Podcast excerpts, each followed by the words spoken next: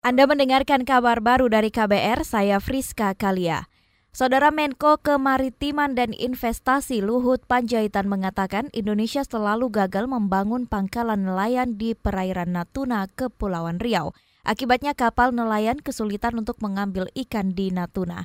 Tahun ini menurut Luhut, pemerintah akan membangun pangkalan nelayan dan markas Kosgar Bakamla di Natuna. Sudah bertahun-tahun mau bikin pangkalan nelayan di Natuna. Jadi jangan yang ngomong-ngomong itu lagi dari bertahun dan tidak pernah jadi benar. Sehingga nelayan dari Pulau Jawa Utara itu yang mau direlokasi atau mau bikin pangkalan situ dan ngambil ikan di uh, eh, ZEE kita nggak pernah jalan. Nah sekarang tuh kita benar ini.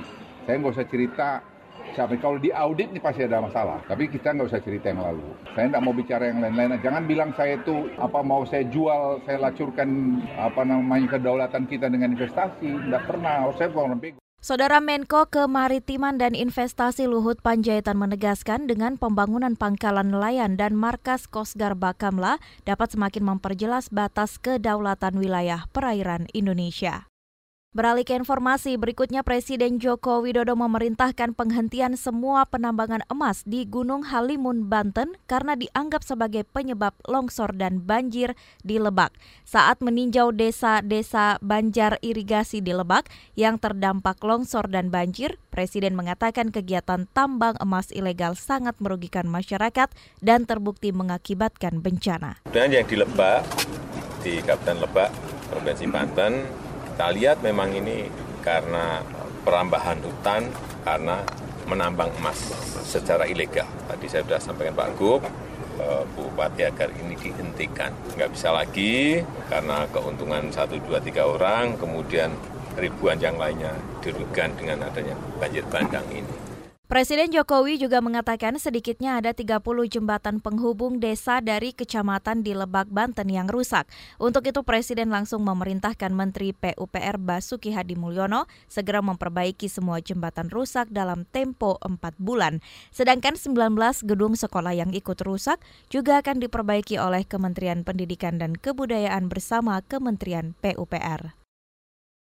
Sementara itu, saudara warga Banten Barat dihimbau waspada terhadap cuaca ekstrim Rabu besok. Wakil Gubernur Banten Andika Hazrumi mengatakan sudah menyampaikan proyeksi cuaca pada Januari ini kepada jajaran Pemkot dan Pemkap.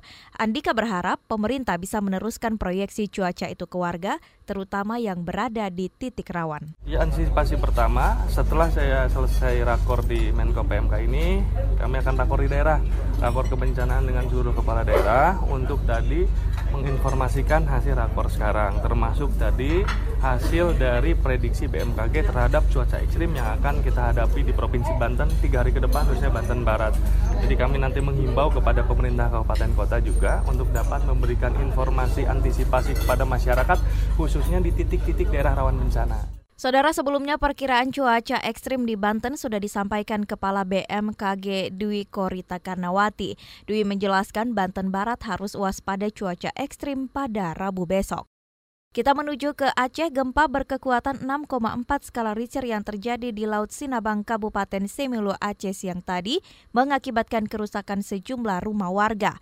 Bahkan menurut Kepala Pelaksana Badan Penanggulangan Bencana Daerah Semilu Ali Hasmi, jumlah gedung instansi Pemkap Semelue juga ikut rusak. Kantor MPU itu cuma apa kaca pecah. Satpol PP itu hanya retak. Kemudian kantor pers kantor wartawan-wartawan itu juga ada terjadi retak dindingnya, tapi tidak mengapa itu. Ini semua masyarakat sudah kembali ke rumah masing-masing, ya berjalan seperti biasa. Saudara Ali Hasmi juga mengatakan sudah menurunkan tim reaksi cepat untuk mendata dan menangani kerusakan bangunan akibat gempa. Sejauh ini belum ada laporan korban jiwa akibat gempa tersebut.